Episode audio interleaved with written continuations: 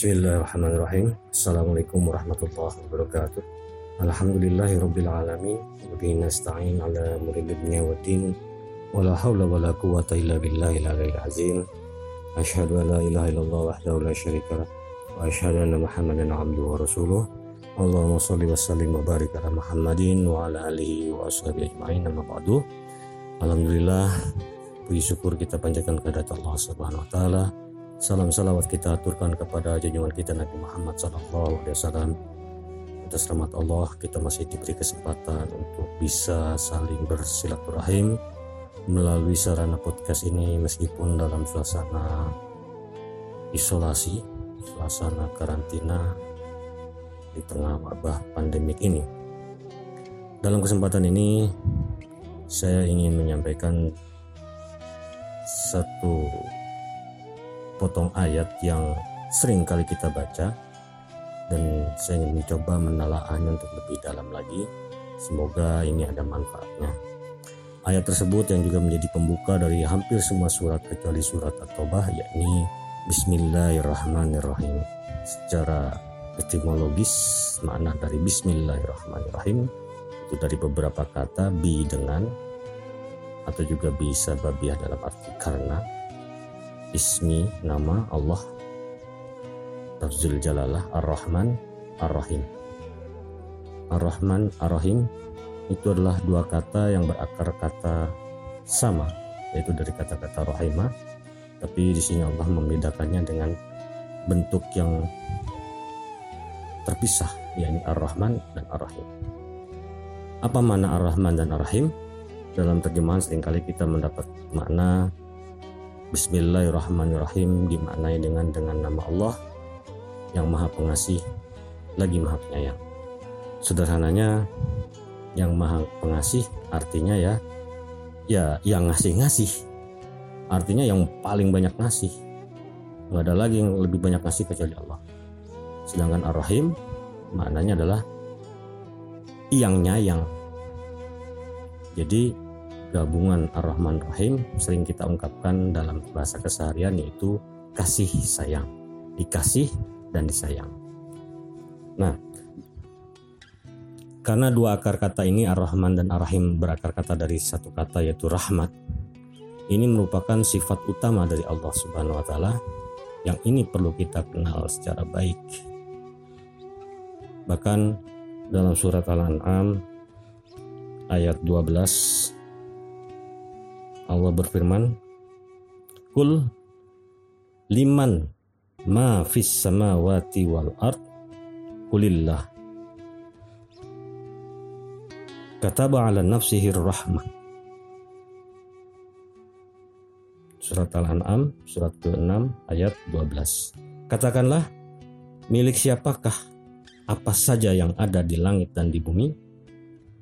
Katakanlah semuanya itu milik Allah dia mewajibkan atas dirinya sifat rahmah. Jadi rahmah ini merupakan satu sifat yang Allah bahkan mewajibkan dirinya sendiri dengan sifat ini. Ya. Dan inilah sifat Allah yang senantiasa sadar tidak sadar ya tahu nggak tahu ngerti nggak ngerti itu senantiasa meliputi kita ini karena waktunya terbatas jadi saya tidak bisa mengkaji lebih banyak. Oleh karena itu saya ingin fokuskan di satu sifatnya saja yakni Ar-Rahman. Ar-Rahman artinya yang maha pengasih yang ngasih-ngasih.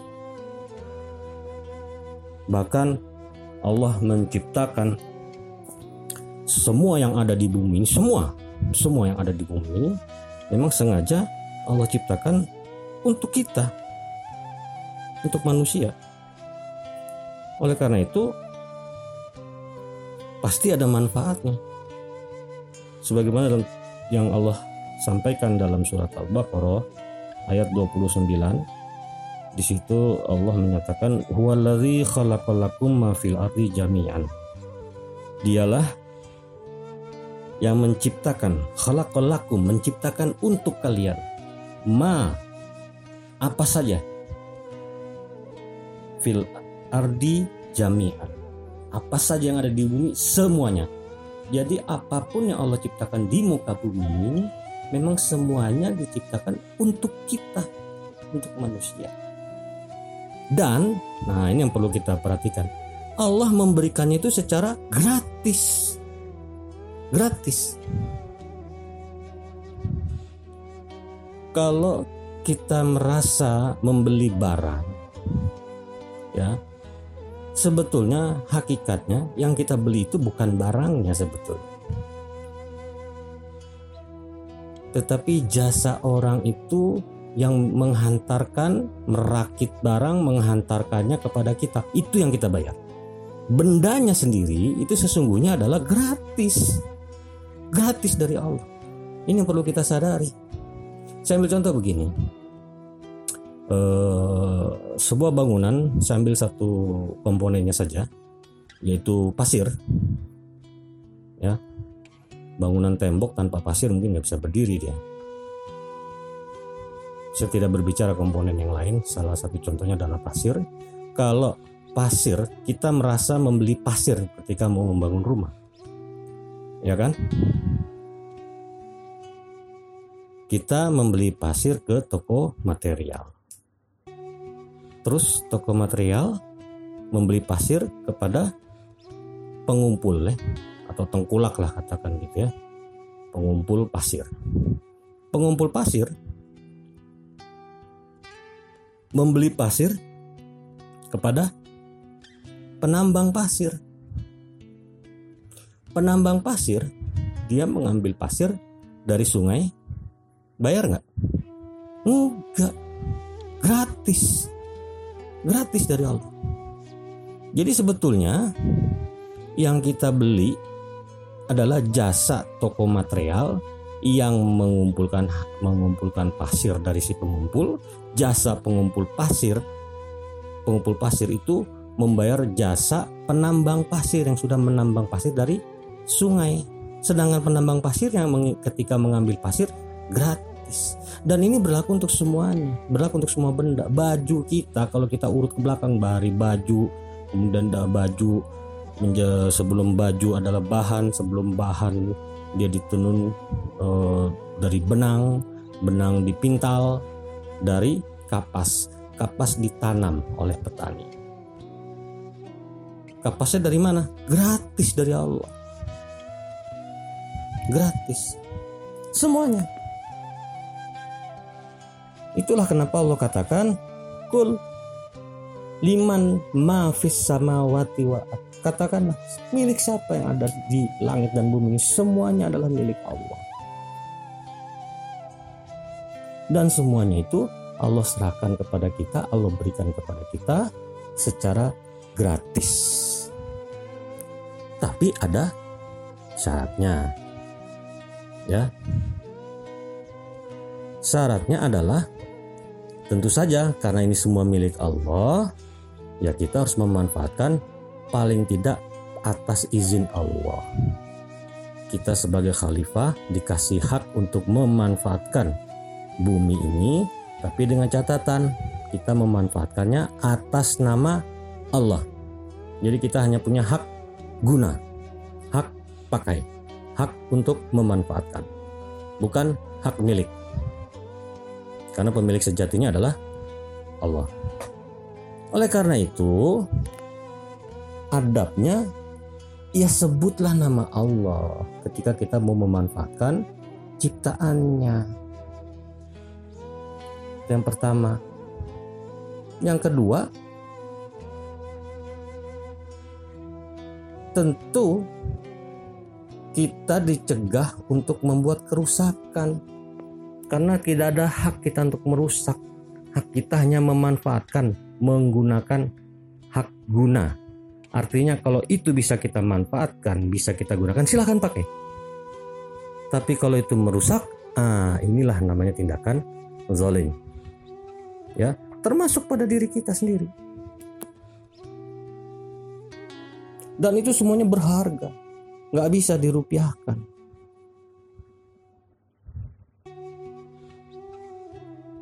kita ini kaya sebetulnya karena Allah sudah memberikan barang-barang berharga barang-barang bermahal yang sangat mahal benda-benda ini kepada kita dan Allah berikan gratis. Saya ambil contoh sederhana saja.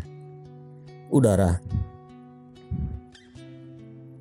Dalam kondisi pandemik ini banyak sekali kasus yang saya tahu dan mungkin kita semua tahu bagaimana udara ini demikian berharga, demikian mahal bagi penderita COVID yang sudah positif. Sampai-sampai saya pernah membaca di di satu medsos pengakuan orang yang sedang menderita namun alhamdulillah tidak disebut tapi saat penderitaan ini dia mengatakan pada saat ini pada saat saya menderita itu udara itu terasa berharga sekali.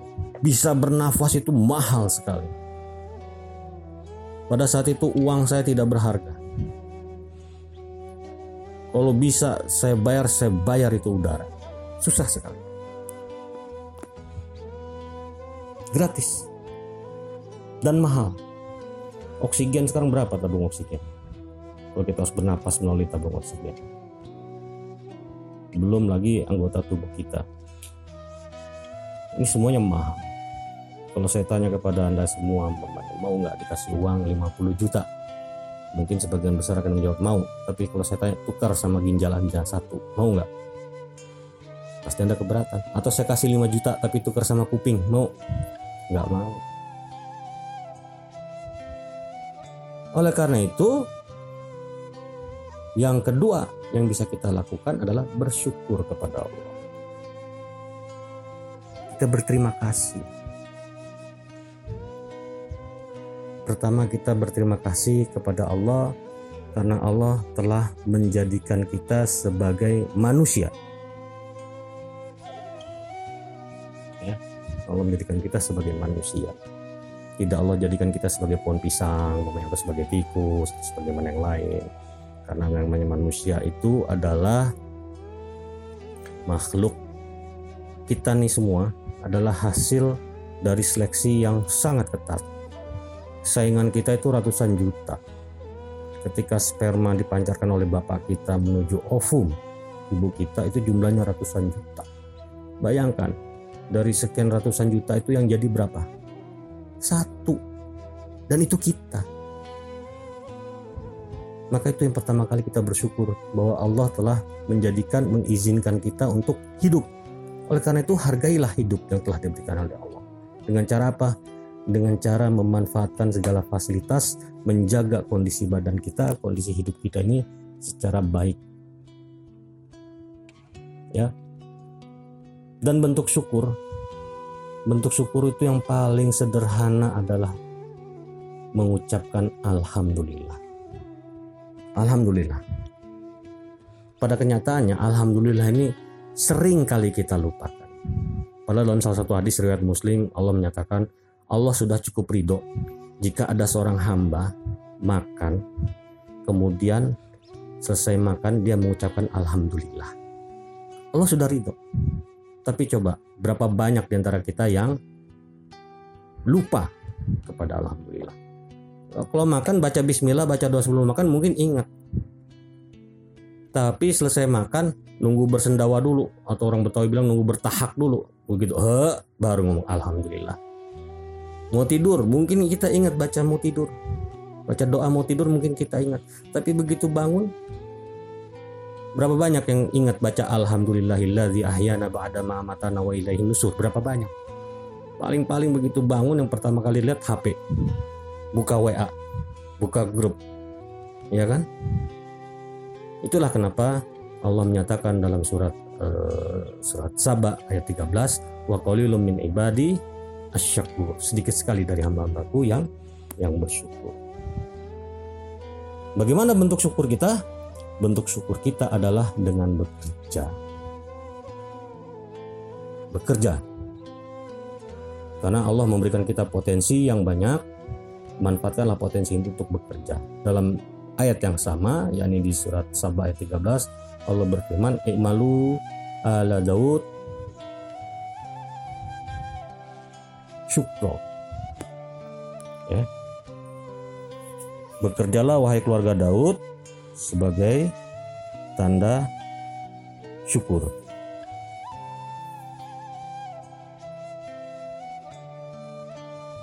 gitu